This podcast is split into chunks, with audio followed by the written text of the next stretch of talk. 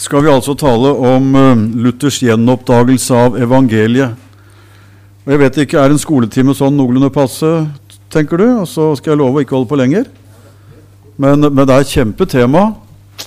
Uh, og mm, vi får prøve å stykke det greit opp. Og så, som vi sa, Det ville vært flott om vi klarte, men det kan jo også samtalen gi rom for, å spørre hvordan kan vi leve i det i dag, sånn at dem vi møter og omgås, opplever ikke bare at vi har det interessant på et møte, men at vi har fått noe som preger vårt liv. For det var iallfall Martin Luther opptatt av, at alt Guds ord det må opp på prekestolen. Evangeliet er på en måte ikke i land før det har havnet inn i et menneskes tro. Og selv der skal det ikke stanse, for det bevares ved å gis videre. Det bevares ved å gis videre. Så skatten evangeliet er ikke en skatt som skal ligge på kistebunn, men den blir rikere ved å deles. Det ligger i selve evangeliets natur. Evangeliet skal ikke voktes, det skal deles. Evangeliet er Guds risikokapital. Han lar den spres utover om det går med tap et sted, så blir det gevinst et annet sted. Om det faller til jorden blant torner et sted, så spirer det og gror et annet sted. Gud strør det ut. Evangeliet er en gave som i overflod rekkes til verden, enda prisen var så høy at den burde vært hegnet bak jerndører men slik er det med evangeliet. Den skatten skal raust deles ut. Og så er det alltid noen som lytter og som tar imot. For meg er det alltid viktig å huske at Luthers gjenoppdagelse av evangeliet var ikke en skrivebordsytelse. Det er mye teologi som lett får preg av at det er håndtert lenge ved skrivebordet. Ikke noe galt sagt om skrivebord. Ved dem har mange av oss tilbrakt mye tid og lest og lært og skrevet og tenkt vi er privilegerte når vi får sitte ned over bøker og skrifter og hente opp kunnskap fra dem som har vandret før, og gjort oss i stand til å ta videre det som andre har sett. Martin Luther han var i større grad enn noen av oss her i stand til å hente troens øh, innsikter og tradisjoner ifra hele den historie han sto i og var født inn i, og som han ble prest og teolog inn i. Uh, Luther hørte hjemme i sin samtid. Han var født i Tyskland av bergmannsett. Faren hadde helst sett han ble jurist, for det var i grunnen det gjeveste. Men så fikk han skrekken i seg for både dommedag og og det som verre var, hadde jeg nær sagt, det var ikke minst det. Og så valgte han å gå i kloster. Fortell som et tordenvær som var så kraftig at han ropte til Sankta Anna, Marias mor, som var skytshelgen for bergmennene, at hvis hun hjalp han nå, så skulle han bli munk, og det løftet holdt han saktens. Det var vel flere grunner enn det, men til farens sorg så valgte han altså å gå i kloster, og det gjorde han i, i 1505. Eh, i Erfurt, og der ble han i fem-seks år. Han ble presteviet og ble professor etter hvert i teologi, så Luther hadde altså rik adgang til å studere det som var hele kirkens tradisjon og læresystemer på den tid, og det var ikke lite. Dette var i middelalderens uh, høykonjunktur når det gjaldt kunnskapstilfang og lærde systemer. Man bygde på den store Thomas Aquinas fra 1200-tallet, som hadde bygget den romersk-katolske teologi som en katedral av tanker som hang i hop fra Guds evige nåde til dommen og til det liv med Herren som alle er kalt til, og ikke minst Kirken med alle dens tjenester og funksjoner. Og så var det noe som kom i århundret før Luther, som kaltes bibelhumanismen. Dette skal ikke du sitte og huske, men bare hør at Luther hadde mer enn nok å øse av. Det er det som er poenget, å si det. bibelhumanismen. Det var mange før han gjorde det før, som var opptatt av vi må tilbake til Skriften. Det blir for mye spekulasjoner, og pavekirken den er i forfall. Vi må inn tilbake til kildene, sa mange av dem. Johan Hus ble brent på bålet som kjetter. Han våget å stå fram og stille spørsmål med kirkens tradisjon slik den ble overlevert. Og skolastiske teologer forsøkte å fange inn troen i systemer. Og renessansen med all sin kunstneriske nyoppvåkning søkte tilbake til de gamle kilder, fordi man ante at det rant friskere vann i oldtiden enn mye av det som etter hvert ble grumset til i en senmiddelalder hvor, hvor mye blandet seg inn. Alt dette levde Luther i, og kunne sånn sett med sin begavelse ha hentet opp stoff fra hele dette tilfang og blitt en hyllet lærd som brakte innsikten enda et skritt videre. Det, det, kunne vært en karrierevei for en som først skuffet sin far, men som kunne nådd høyt opp med å bruke sin begavelse for å bringe kirken og tenkningen enda noen skritt dypere inn i sin uh, rikdom av skatter. Så ble det ikke sånn. Og jeg tenker reformasjonens gjennomslagskraft, det som gjorde at evangeliet brøt vann som en flod som ingen kunne stanse, som sprengkraft som ingen kunne dempe rekkevidden av, det henger rett og slett sammen med at den lærde munken og den vide presten og den etter hvert innsiktsfulle teologiske professor på det nye universitetet i Wittenberg, han kom i anfektelse. Og anfektelse det er på tysk når noe fekter imot. Og det kan være slitsomt når du er underlegen og opplever at alt som står deg imot, det bryter ned alt ditt forsvar. Og det opplevde altså Martin Luther. Og det må vi ikke glemme, for der, der, der tenker jeg du forstår hele kraften han resten av livet kjemper med, ikke for å bevare sin posisjon, men for å bevare evangeliet rent. Det er, i hvert fall psykologisk sett, vil jeg si, nesten umulig å tenke seg Luthers livsvarige kamp for evangeliet inntil han dør i store smerter i samme byen som han ble født, i, 14, i 1546. Så dør han altså med den samme tro på leppene som han hele veien har hatt siden han skjønte hva evangeliet var. Og de spurte om han ville dø i denne tro som han hadde forkynt, og da svarte han tydelig ja. Og det var omtrent det siste han sa før han døde. Litt lenger oppe i gata enn der han ble født. Jeg har vært der. Eisleben i Saksen. Han kjempet en kamp, og hva var det den kampen bestod i? På gammel tysk så sa han 'Vi krige ich ein gnediger Gott'. Hvordan får jeg en nådig Gud? Det var ikke særlig lærde spørsmål. Eh, det var ikke mye analyse som lå bak, og studier av Gabriel Biel og Ockham og disse skolastikerne som han leste og studerte. Det var en ensom sjel som sto for Gud og slet med å tro at det fantes et sted å stå som ikke brakte han under dommen. Og den kampen, den kjempet Luther.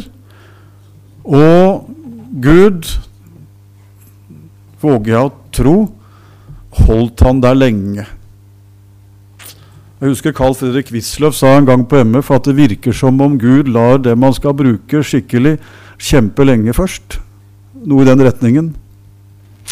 Jeg vet ikke om vi har lov til å si at det er et dogme, en læresetning, men man kan undre seg av og til over at de som betros en tjeneste så i front og med så store belastninger og en så stor oppgave, de, de, må prøves ordentlig. De må gå de rundene de trenger for at de skal stå der når det røyner på. Uh, når Martin Luther etter hvert ble stående i front var ikke det han gjorde først. Han drev og puslet med sitt, han. I lønnkammeret, og de eneste som så han, det var studiekameratene, hadde jeg nær sagt, de andre munkene og etter hvert de andre teologene og generalvikaren i ordenen hans, som het Johan Staupitz, og som var en god teolog, som trøstet han med Guds nåde så godt han kunne. Det var bare det at det var på en måte en nåde i, i Luthers hjerte og ikke i Guds, og dermed så ble det ikke fred av det. Men de så hvordan han kjempet, og de beundret han fordi han ga alt for å få fred med Gud. I alle de øvelser som datidens kirke kunne pålegge en som tok sin sak alvorlig. Han reiste til Rom og klatret på knærne opp Scala Sancta, hellige trappen, for det var, det var tilgivelse og avlat knyttet til hele reisen, og ikke minst der. Han fastet, og han ba, og han gjorde det kirken hadde forordnet. Men han fikk jo ikke fred. Han fikk jo ikke fred. Og dette varte altså i flere år. Og ennå er ikke de lærde helt trygge på akkurat når han kom igjennom, for å bruke et vekkelsesuttrykk som vi kjenner. Men det står veldig godt til Luther, fordi han kom igjennom til slutt. Og når, når var det? Ja, var det i 1515, eller var det i 1516, 17, 18? Ja, I 1517, den 31. oktober, så slo han jo opp de 31 tesene på Slottsdøra i Wittenberg. Skjønt noen er ikke sikker på om han gjorde akkurat det heller. Men han skrev i hvert fall disse 95 tesene og sendte dem til sine geistlige overordnede og inviterte til samtale. Da hadde han frimodighet til å ta saken opp til debatt, for han hadde ant, begynt å ane hva bot virkelig var. Og da begynte det å løpe. Da begynte det å løpe. Men det kan altså være at henimot ti år så kjempet Luther den ensomme kamp det er å stå alene med Gud og spørre om det finnes nåde. Og For han var altså ikke det, og det er det som er poenget mitt, for han var ikke det et teologisk problem. I betydningen noe han måtte få på plass for han kunne forske videre en uh, teoretisk problemstilling som han måtte få orden på før han forsket videre og gjorde enda mer framskritt i sin karriere.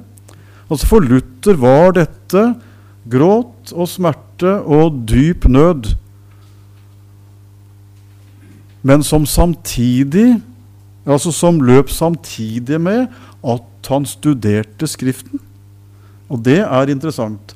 For han blir prestevit allerede i 1507 og for å bli presteviet så må du studere både Skriften, men ikke minst Kirkens tradisjon. Og Kirkens tradisjon dette er viktig, for dette kommer litt til når det gjelder evangeliets autoritet. Så ikke glem det. Tradisjonen, det er kirkemøtene.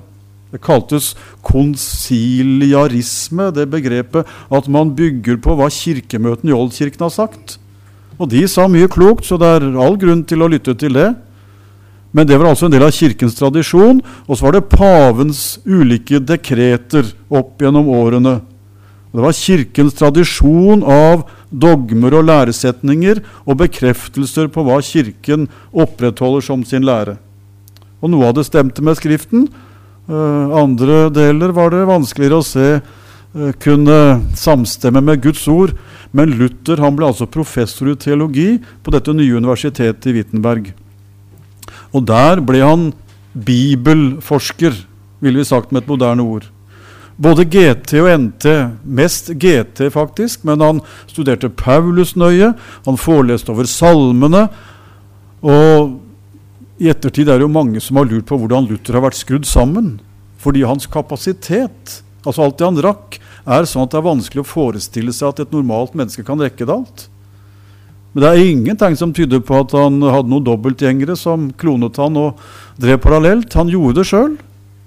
Alle hans titusener av brev, som er noe helt annet enn julekort, lange brev, hans forfatterskap, hans undervisning, alle hans reiser, konflikten han måtte inn og rydde opp i, alt dette tok tid.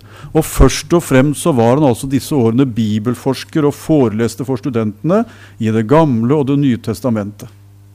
Og så har jo forskerne i vår tid begynt å lese det som finnes av manuskripter fra Luthers forelesninger, og prøvd å finne ut når, når finner vi spor av nye innsikter. Når er det vi aner at, at, eh, at det er noe her?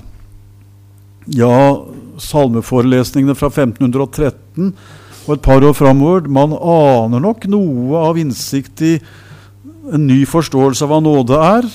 I salmene så kommer du tett innpå folk som virkelig sliter med å finne en nåde Gud. Så Luther fant uh, kampfeller der, som du sikkert også har gjort. Når du leser salmer i Det gamle testamentet, så ser du slitesterke ord på menneskers nød og gråt og takk og glede. Der er det mange ord å låne for dem som trenger noen ord som er mer slitesterke enn sine egne. Luther opplevde nok det, og det går kanskje an å ane at han her nådde litt inn i det nådens rom som han senere skulle få full belysning i, ved hjelp av troens vandrere i den gamle pakt. Men så arbeider han med Paulus 1515 og 1516. Og da nærmer vi oss 1517, reformasjonsåret. Hvis noe skulle kalles det, så er det vel 1517.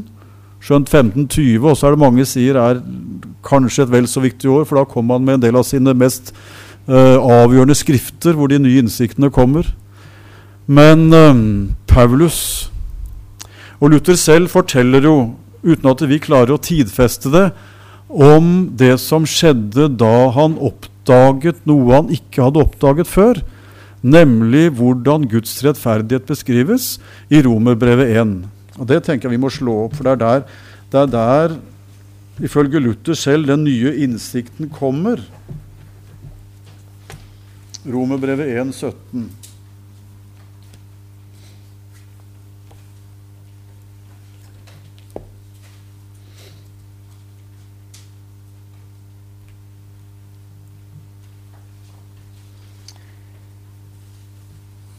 For jeg skammer meg ikke ved evangeliet, skriver apostelen der. Jeg skammer meg ikke ved evangeliet, det er en Guds kraft til frelse for hver den som tror, jøde først og så greker. Og så kommer det. For i det, altså i evangeliet, åpenbares Guds rettferdighet av tro og til tro, slik det står skrevet. Den rettferdige skal leve ved tro. Ved tro skal han leve, sto det i oversettelsen jeg brukte som på Sigurd Lundes alder. Uh, den rettferdige skal leve ved tro. Den rettferdige skal leve ved tro. I det åpenbares Guds rettferdighet. La oss, la oss se på de to første Luther-sitatene på arket, så vi bruker det litt. Øverst på den siden med Luther-sitater. Sitat 2 fra en tale om den dobbelte rettferdighet som Luther holdt i 1519. Ved troen på Kristus blir Kristi rettferdighet vår rettferdighet, og alt som er hans, ja, han selv, blir vårt. Derfor kaller apostelen Paulus vår rettferdighet Guds rettferdighet. Talen om den dobbelte rettferdighet, heter det. Og i sitatet ovenfor, læren om rettferdiggjørelsen er en mester og fyrste over all annen slags lære, og den hersker over all samvittighet og over Kirken. Uten den er verden bare tomhet og mørke. Du hører Det er et litt mer sånn bearbeidet uh, sitat, og det, det, er fra en uh, disputasjon i 1537, så den er nesten 20 år senere. Men det derre blodferske, det er fra 1519. Ved troen på Kristus blir Kristi rettferdighet vår rettferdighet. Og Vi som er vant til å lese Romerne 1,17 sånn, vi skjønner ikke helt at en så klok mann ikke hadde skjønt dette med en gang. Men da må vi altså huske hvilken tradisjon Luther sto i, og hva som gjorde at dette for han var noe han Omtrent som Bibelens uttrykk at det var skjell for hans øyne. For han sto i det som kalles den tomistiske tradisjonen. og det har altså med Thomas Aquinas, den store romerske normalteolog 1200-tallet. Han som er den store systembygger i den katolske tro. Og det som Romerkirken på en måte har som ja, hva skal vi kalle det? Den grunnleggende teologi om Guds rettferdighet og nåde, det er at synden er en skade. Skade må repareres. Gud er nådig, og det betyr at han både avslører skaden, men også sender meg kraft til å reparere den. Og det er på en måte en én bevegelse fra den gode Gud, som både vet at jeg er en synder, han hjelper meg til å se det. Eh, min samvittighet kan erkjenne at jeg har krenket Gud, Men Gud er også den gode Gud som i sin nåde hjelper meg til å leve etter Hans vilje, slik at jeg igjen kan leve i samsvar med Guds egentlige vilje. Og igjen, dette er én bevegelse dypest sett. Skade og gjenoppretting. Den gode Gud hele veien. Og Guds rettferdighet, det er da den rettferdighet som er en frukt av at Guds nåde har gjort det med meg som den kan, nemlig hjelpe meg til igjen å leve slik at Gud sier dette liv kjenner jeg igjen, det er i samsvar med, med min krav og mitt bud. Gud er god. Hører du at dette er noe annet enn den tale om nåde som Luther etter hvert talte om? Ikke alltid så lett å, å ta det, for det jeg siterte nå, sånn litt forenklet fra Thomas, det, det høres jo ikke så galt ut. En tar synden på alvor i den forstand at vi ser at vi er langt ifra Guds vilje med våre liv. Eh, vi ser at Gud han, han avslører det og gir meg en samvittighet som er i nød. Men han er der også med nåden, som kommer til meg og hjelper meg på veien til igjen å leve slik at jeg er der hvor Gud vil ha meg, i lydighet mot Hans bud, som er godt. Og dette er det Gud som gjør, og han skal ha æren alene. Det er bare at det holdt ikke for Luther. Betyr at Luther var en veldig sart sjel? som, som, var, som, var, litt verre å, å, hjelpe enn andre. De fleste ville vel nøyd seg med å ha sagt at dette som vi nå har sitert, det må da være mer enn godt nok for å finne fred. Ikke for Martin Luther. Fordi han gjennom studiet av Skriften fikk et møte med Gud, hvor det reparerte sinn og det gjenopprettede mennesket i betydningen en som med Guds hjelp har fått litt orden på tingene, får ikke fred med Gud fordi han så at det rettferdighetsnivå som Skriften taler om, når den taler om den hellige Gud, det lå alltid høyere enn hva denne nåde i Luthers hjerte noen gang fikk drevet han til. Og det er svinaktig slitsomt, dere å leve sånn at du egentlig har kommet på høyden av det du har muligheter til, og se at det er et hav igjen. Ja, Hav og høyde kanskje ikke er billedbruk som passer til hverandre, men det er mange trinn igjen på stigen. Mange trinn igjen på stigen. Da har man det ikke godt. Og Det var der Luther var.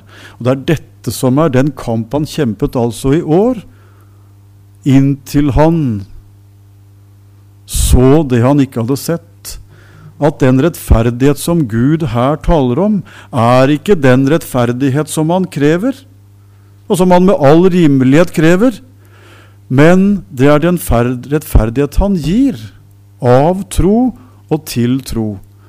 Og da var det altså, som, og det forteller Luther, det var skjell som falt fra hans øyne.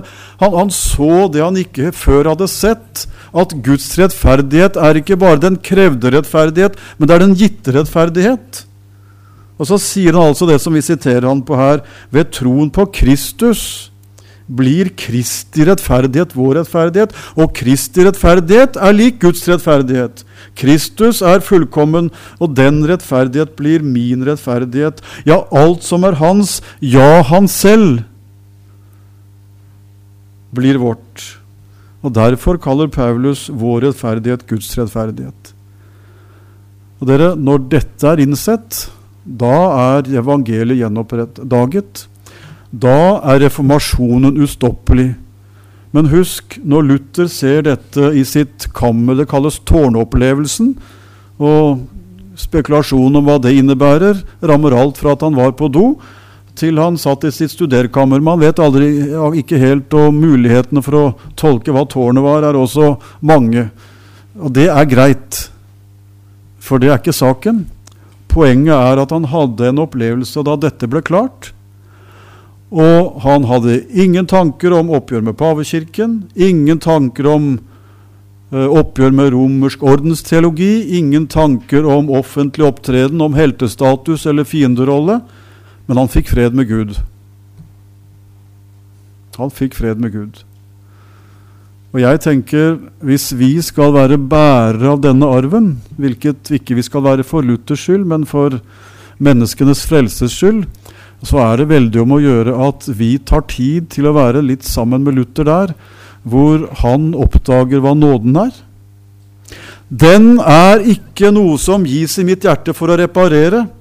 Den er i Guds hjerte, og den flytter meg fra dommen til livets posisjon. Det er ingen reparasjonsgjerning fra Gud, men det er en forflytning. Og Det er en helt annen måte å forstå både syndens forderv på og nådens art på enn det hele den skolastiske middelalderteologi lærte opp fromme mennesker til å tro. Men det var få som ble trukket så inn i det eksistensielle nød som Martin Luther. Og jeg tenker igjen, Kanskje Gud måtte la han slite så mye for at det skulle bli så dyrebart at det var verdt å ofre resten av livet for. Det henger litt i sammen sånt. For Thomas var nåden en kraft i vårt hjerte. For Luther var nåden Guds nåde som han ser på meg i. Den er i Guds hjerte. Å være frelst, det er å være forflyttet fra det som på travsporten heter å være i dødens posisjon, hvor Gud og det har ikke noe med travsport å gjøre, men hvor Gud ser på meg uten Kristus, og da er jeg under dom forflyttes til å være den posisjon hvor han ser meg i Kristus, hvor jeg eier hans rettferdighet, og da ser han på meg i nåde. Og den nåden, og det var det som løste Luther aller mest, den nåden er i Guds hjerte. Og Guds hjerte er uforanderlig.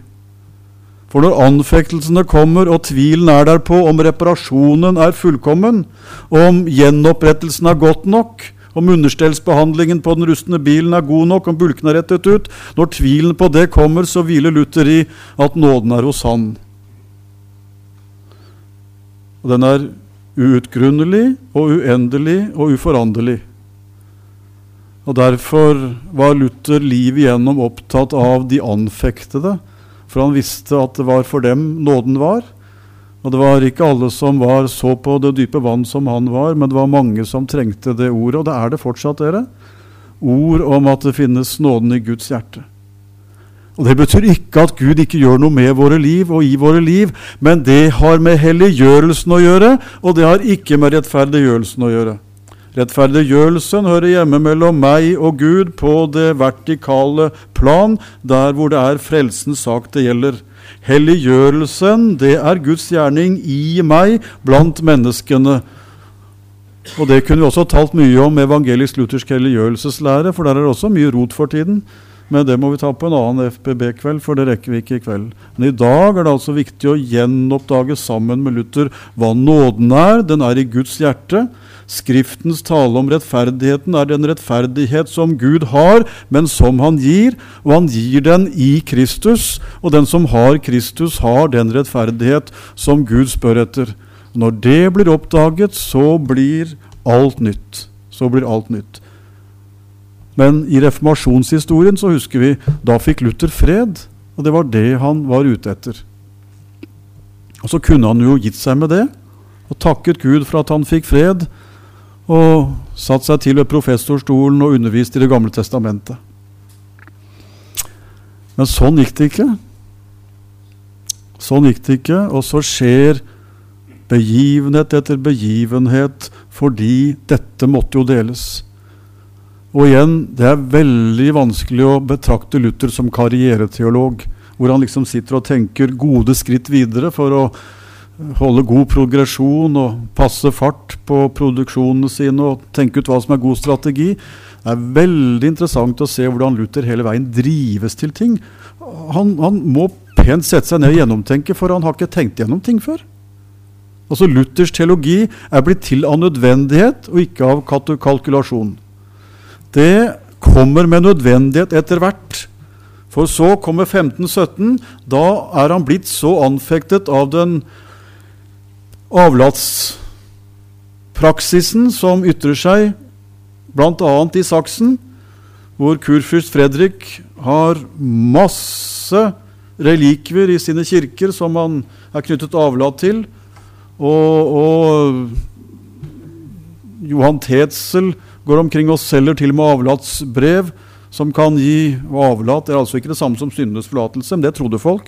Men det har noe med at Gud kan ettergi eh, timelige syndestraffer. Vi, vi, sier ikke mer om det. Men Luther skjønte jo at dette her er jo å rote det veldig til for folk som trenger nåde.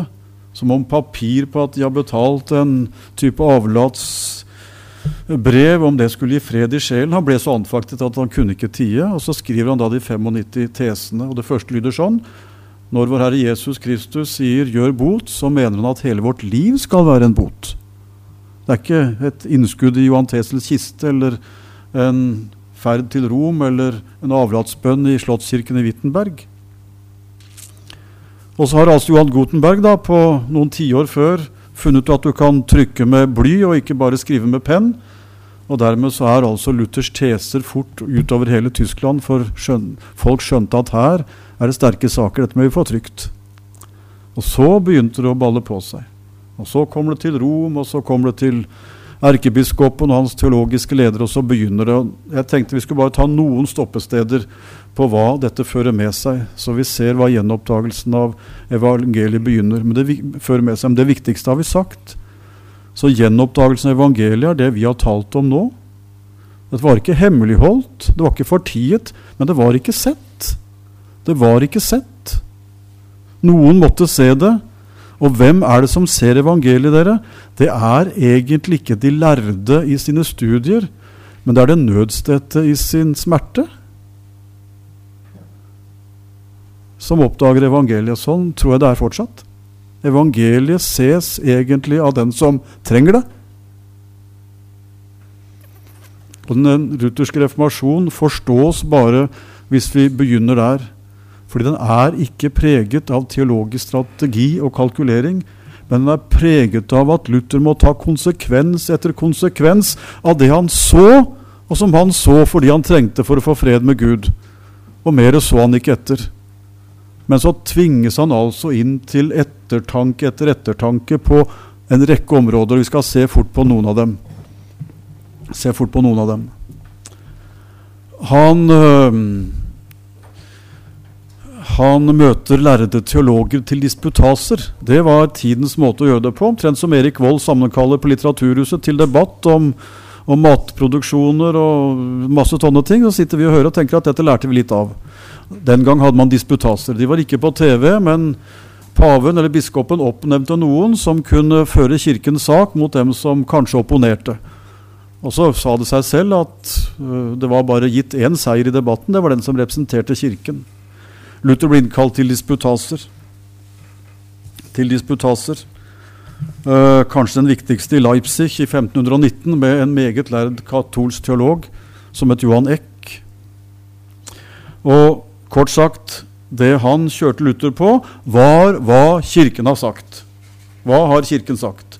Og Kirken, det er da kirkemøtene, konsiliene, konsiliarismen, altså troen på at det meste er sagt når Kirken har talt på sine møter, og pavens dekreter.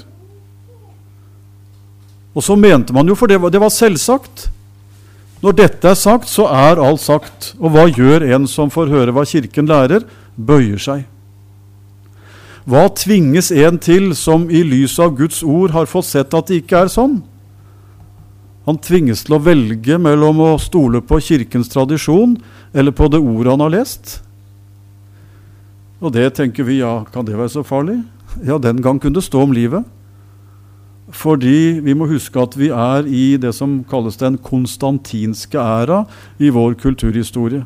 Det vil altså si den lange tid som har fått navn av keiser Konstantin, som var den andre keiser etter at Romerriket hadde gjort kristendommen til statsreligion, og hvor Kirken var leverandør av samfunnets verdier og ideologi og politisk verdigrunnlag. Og Dermed så måtte altså staten opprettholde en kirke og verne en kirke som var enhetlig og tydelig og samstemt, for staten kunne ikke leve med at folk skulle ha ulike tanker om verdier og etikk og tradisjoner. For stat og det åndelige verdigrunnlag måtte være samstemt. For oss er dette gamle ting som vi ikke skjønner helt av, vi som lever i en pluralistisk tid som vår. Men slik var det da. Å opponere mot Kirken var å opponere mot den enhet staten trengte. Så en teologisk opprører gjorde det med fare for sitt liv, ikke bare for å bli hengt ut i vårt land. For det kan du leve godt med. Men du, du kunne bli fredløs og bli et hode kortere hvis du fremmet en lære som bestred det grunnlag Kirken var for samfunnets enhet. Derfor var det farlig å opponere. Og Luther, når han da måtte ta ikke konsekvensen, så må vi huske hele veien Dette var med livet som innsats. Det glemmer vi fort. Vi tenker, er ikke vant til å tenke sånn.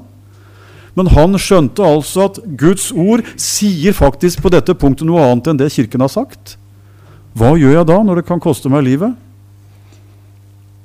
Da begynte altså den lange vandringen mot å si Skriften alene. Skriften alene. Det begynner her, i møte med Romerkirkens lærde teologer, som holder fram for hva Kirken har sagt.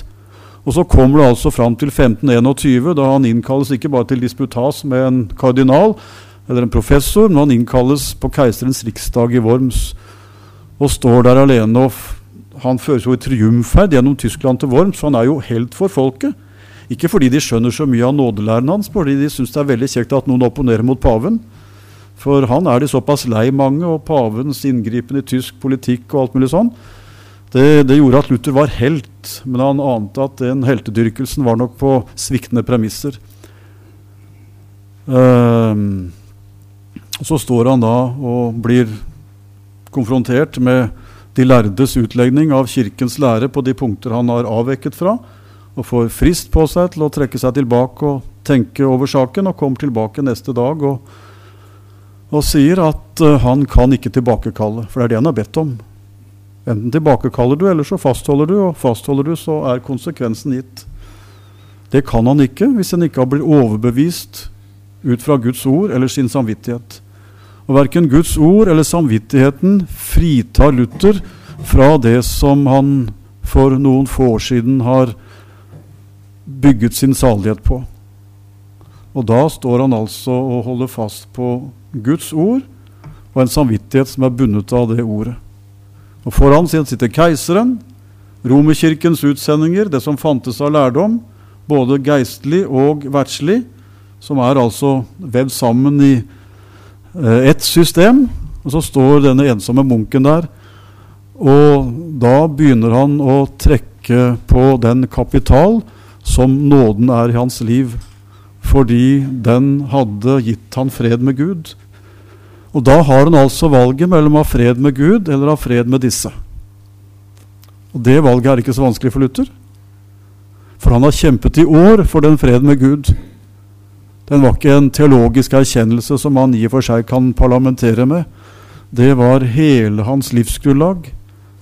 Og derfor kunne han jo ikke trekke det tilbake. Så der står han og sier at noe annet kan jeg ikke. Sterkere har vel knapt noen stått enn den som står og er sterk i nåden. For det sier Paulus og Bibelen vi skal være. Vær da sterk, min sønn, ved nåden i Jesus Kristus. Og Hvis du leter etter ett eksempel i historien på en som er sterk i nåden, så kan du altså se denne professoren som står der i sin kappe og er ribbet for alt av det som kunne gi han sikkerhet i denne verden. Bortsett fra det som Gud har gitt han, så holder han fast på det. Ordet alene. Og så, etter hvert, så kommer altså det ene etter det andre bare nevne kort, for nå tror jeg tida mi er i ferd med å ha gått. Um, han blir nødt til å tenke over hva Kirken er. Hva Kirken er. For um, han blir jo hele tiden møtt med at Kirken har sagt. Paven har erklært. Kirkemøten har slått fast. Kirken, Kirken Kirken. Og alle hørte Kirken til. Og Kirken hadde det som vi litt sånn elegant i vår tider kaller definisjonsmakt. Det er et uttrykk som vi burde filosofere litt over, for jeg opplever at i vårt samfunn i dag så er det å avsløre definisjonsmakten ganske viktig hvis du vil håndtere en debatt. For det er noen som evner i enhver sak å definere sakene og Hvis ikke vi andre er våkne, så får vi en debatt hvor vi på en måte har tapt mye av saken fordi vi ikke skjønte at noen definerte først. Og så ble vi andre henvist til å debattere på deres premisser. Definisjonsmakt er viktig, både å bruke rett, men også å avsløre. Kirken definerte hva Kirken var, og definerte hva rett lære var. Og For Luther så ble, etter at han hadde bundet seg til ordet alene, så ble neste kamprunde å finne ut hva Kirken var. Han begynte å ane at Kirken var ikke det den sa seg å være. Men han skjønte også at det oppgjøret det hadde mange sider, og det ville ta tid. Det ville ta tid. Så skriver han om kirkens babylonske fangenskap i 1520. En bok som du kan få den på norsk i Inge Lønnings oversettelse av lutherske skrifter. Veldig bra. Les den der om kirkens babylonske fangenskap, om et kristenmenneskets frihet, og et brev til den tyske adel den, eh, til en kristne adel i den tyske nasjon. Viktige lutherskrifter som er å få på norsk, og som det er oppbyggelig å lese. Hvor du skjønner en som på en måte skritt for skritt blir nødt til å si det som Kirken sier at den er, det er ikke det Kirken skal være. Og så begynner han å søke etter Kirken midt i en samtid som aldri har vært så full av Kirkens krav på å være synlig? Kan du tenke deg også hvilken kamp det er? da? På 1500-tallet, hvor kirkeorganisasjonen er tyngre og mer dominerende i samfunnet enn noen gang har vært, så er det en som begynner å ane at det Kirken kaller kirke, det er ikke det Bibelen kaller kirke.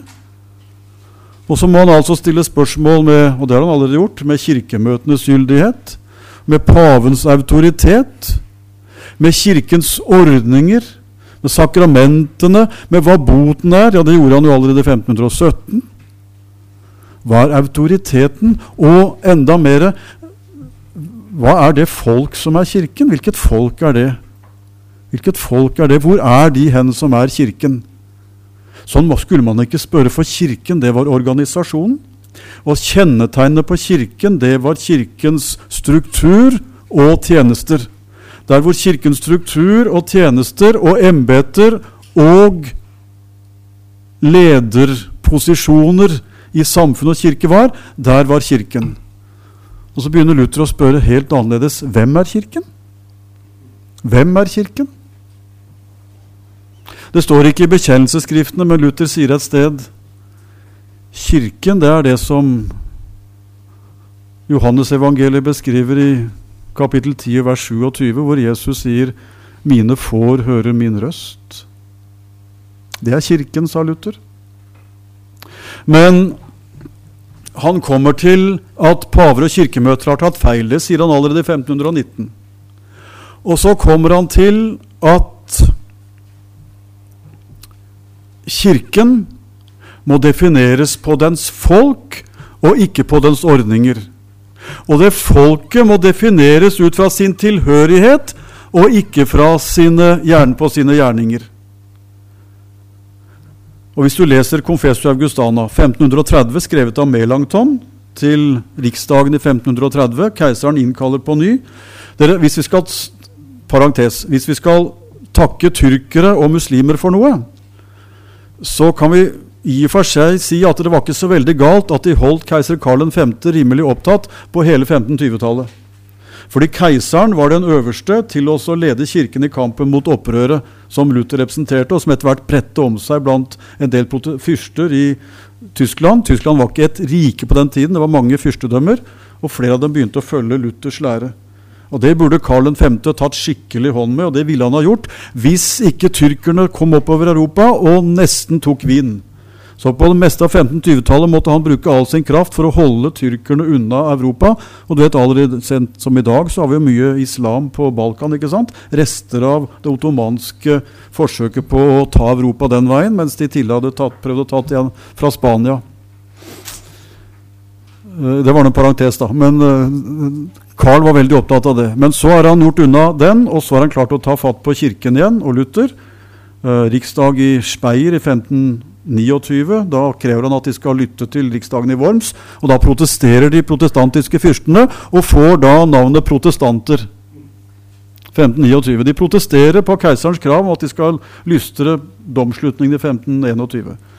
Kalles de protestanter. Så hvis du lurer på hva det kommer av, så er det altså riksdagen i 1529. Men så kom 1530, Og Melanchthon må svare for de protestantiske fyrster, for Luther kan ikke møte der, for han er fredløs.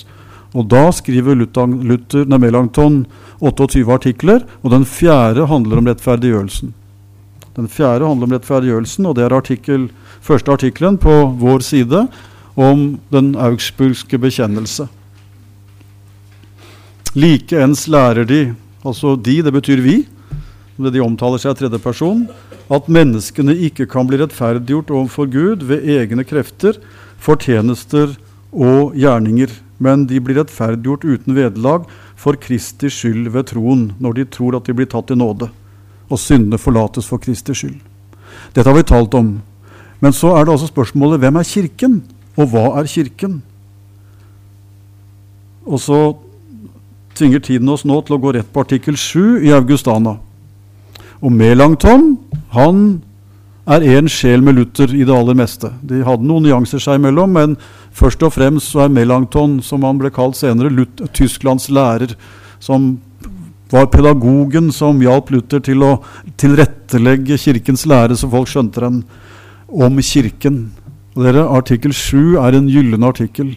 Den hjelper oss til å holde fast til hva Kirken er. For du skjønner, Melanchthon han har skjønt hva evangeliet er.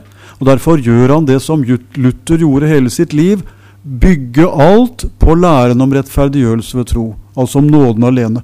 All Luthers teologi er avledet av det.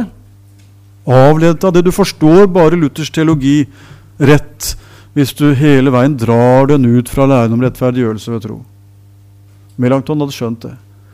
Når du da kommer til Kirken, kan du se for deg hvor mange bøker Romerkirken hadde om sin tradisjon, om sine ordninger, om det pavelige embetet, alle vedtak, alle beskrivelser som skulle hjelpe dem til å være innenfor Kirkens system? Den evangeliske lutherske lære den sier følgende om hva Kirken er. Kirken er samlingen av de hellige. Kirken er samlingen av det hellige. Først sier vår bekjennelse at Kirken det vil alltid forbli én hellig kirke. Det er interessant. I 1530 står det å få beskjed om at dere hører ikke Kirken til, og så sier vi 'vi er én'. Og Det sier den evangelisk-lutherske kirke fortsatt. Fordi det finnes bare én frelser, og han har nok tenkt å betrakte Kirken som én, inntil han kommer og forener den med seg. Men hvor ser vi Kirken? Den er de helliges forsamling, de helliges samfunn, forsamlingen av de hellige. Og det er hovedsaken. I dag er det en tendens til at noen beskriver Kirken ved de to neste setninger, og ikke ved hovedsetningen. Det blir galt. For evangelisk-luthersk og Bibels lære om Kirken er at den er de hellige samfunn. Og de hellige, det er ikke de heldige, det er ikke de helliggjorte, det er de som hører den hellige til. Altså De som hører Kristus til, er Kirken. Og de finnes i ulike kirkesamfunn, for der hvor Kristus er, der er det noen som har fellesskap med Han, og dem kaller Kirken hellige. Legg merke til hvordan Paulus innleder hvert eneste brev, uansett hvor mye han har å ta dem for, ved å kalle dem for hellige. I Kristus Jesus, les Filippe-brevet, så står det sånn. Og Dette er evangelisk Luthers bekjennelse. Det er én kirke. Kirken er de hellige samfunn. Og så kommer en beskrivende ettersetning at denne kjennetegnes av at evangeliet læres rent, og sakramentene forvaltes rett. Men i dag så kan du høre at kirken den er der hvor noen preker, og hvor sakramentene er. Nei, Bibelen sier, vår bekjennelse sier, kirken er folket. Men dette folket skapes og næres ved at evangeliet forkynnes og sakramentene forvaltes. Men kirken er folket. Kirken er ikke en aktivitet, kirken er et folk. Og I vår folkekirkesituasjon så hører jeg oftere enn jeg liker at Kirken beskrives ved sin aktivitet, mens den er et folk. Hvor lærer vi dette? Hos Han som kjempet livet igjennom for å bevare evangeliet. For sin salighets skyld, og ikke for å vinne debatter. Luthers kirke er ikke debattglad, men den er vitneglad. Ja, og så kom 1525, og den lærde humanisten Erasmus fra Rotterdam, som var en meget klok mann, han skjønte at noe av det det stakk i, det gikk på om vi egentlig har en fri vilje. Så skrev han i 1524 en bok om den frie vilje for å hjelpe folk til å skjønne at konsekvensen av Luthers teologi er egentlig at vi er ikke, vi er, vi er ikke så fri som vi tror. Så denne lutherske teologien må avvises. Den krymper mennesket til å bli et produkt av at Gud gjør noe med det. Og da er vi egentlig ikke fri, vi er forutbestemt til et eller annet. Han både forsto og misforsto. Så skriver Luther et av sine mest lærde, men også frigjørende verk i 1525 om den trellbundne vilje. Det er lite salgbart, dere. Du skulle selge en bok i dag om den trellbundne vilje. Det ville ikke selge godt. Eh, Luther skjelte aldri til oppslagstallene, så han skrev det som måtte skrives, om den trellbundne vilje. Og Det fins knapt noe så frigjørende, for der lærer han oss det som Melanchthon har fått med i Augustane 18, og det tror jeg skal slutte med, for nå er vi på overtid. Nemlig at om viljen lærer de at vi har nok en frihet til å velge de borgerlige ting som er underlagt fornuften. Men uten Den hellige ånds gjerning så kan vi ikke velge de åndelige ting, nemlig det som har med frelsen å gjøre. Nå siterer jeg, du kan slå opp Jeg husker ikke om jeg tok den med her. Kanskje jeg gjorde det òg. Den står til og med nederst på arket. Men uten Den hellige ånd har den ikke kraft til å skape Guds rettferdighet eller den åndelige rettferdighet. For det naturlige mennesket forstår ikke det som hører Guds ånd til, men den blir til i hjertene når Den hellige ånd blir tatt imot ved ordet. Og Det er Luthers svar til Erasmus, som Melanchthon her har formet i bekjennelsens ordlyd, at i møte med det viktigste spørsmål, nemlig hvordan får jeg nåde i Gud, så står ikke jeg ved et koldtbord og kan velge hva jeg synes er fristende å innta. Da må jeg bevege meg inn i det rom hvor Gud taler. Men er jeg i det rom, så taler Han sånn at min vilje blir hans. Hva står det i Filipperbrevets andre kapittel? Det er Gud som virker i oss både å ville og å virke til hans velbehag. Så var ikke Luther som fant på det. Det står i Skriften. Men det hadde Kirken og Erasmus helt glemt. Så prøvde de å spenne ben på Luther. Men det gikk dårlig, det også, for han hadde Skriften for seg.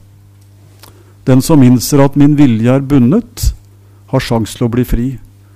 Den som tror at jeg står fri til å velge, vil aldri se hva Gud kan gjøre. Hva kan vi gjøre i vår tid, dere? Det skal ikke jeg si mye om nå, for nå skal jeg slutte. Bare invitere til en samtale om hvordan vi kan være troverdige med dette i våre liv. Og jeg tenker det lykkes vi best med hvis vi makter å dele at dette har med livet å gjøre, med tryggheten å gjøre, med relasjon til Gud å gjøre og ikke minst å dele troens erfaringer. Vår såkalte postmoderne tid er ikke veldig opptatt av dogmatiske læresannheter. Men vår tids mennesker, har jeg opplevd, lytter ofte til dem som deler erfaringer og forteller hva de har opplevd. Så om du har en og annen erfaring av at Gud var god mot deg på en måte som gjorde livet annerledes, så kan du hende du får noen som vil lytte, for erfaringer ifra et liv er det mange som vil lytte til. Og så får det være starten på en samtale som kan lede fra dine erfaringer til det ord som Luther til slutt fant hvile ved. Takk for tålmodigheten.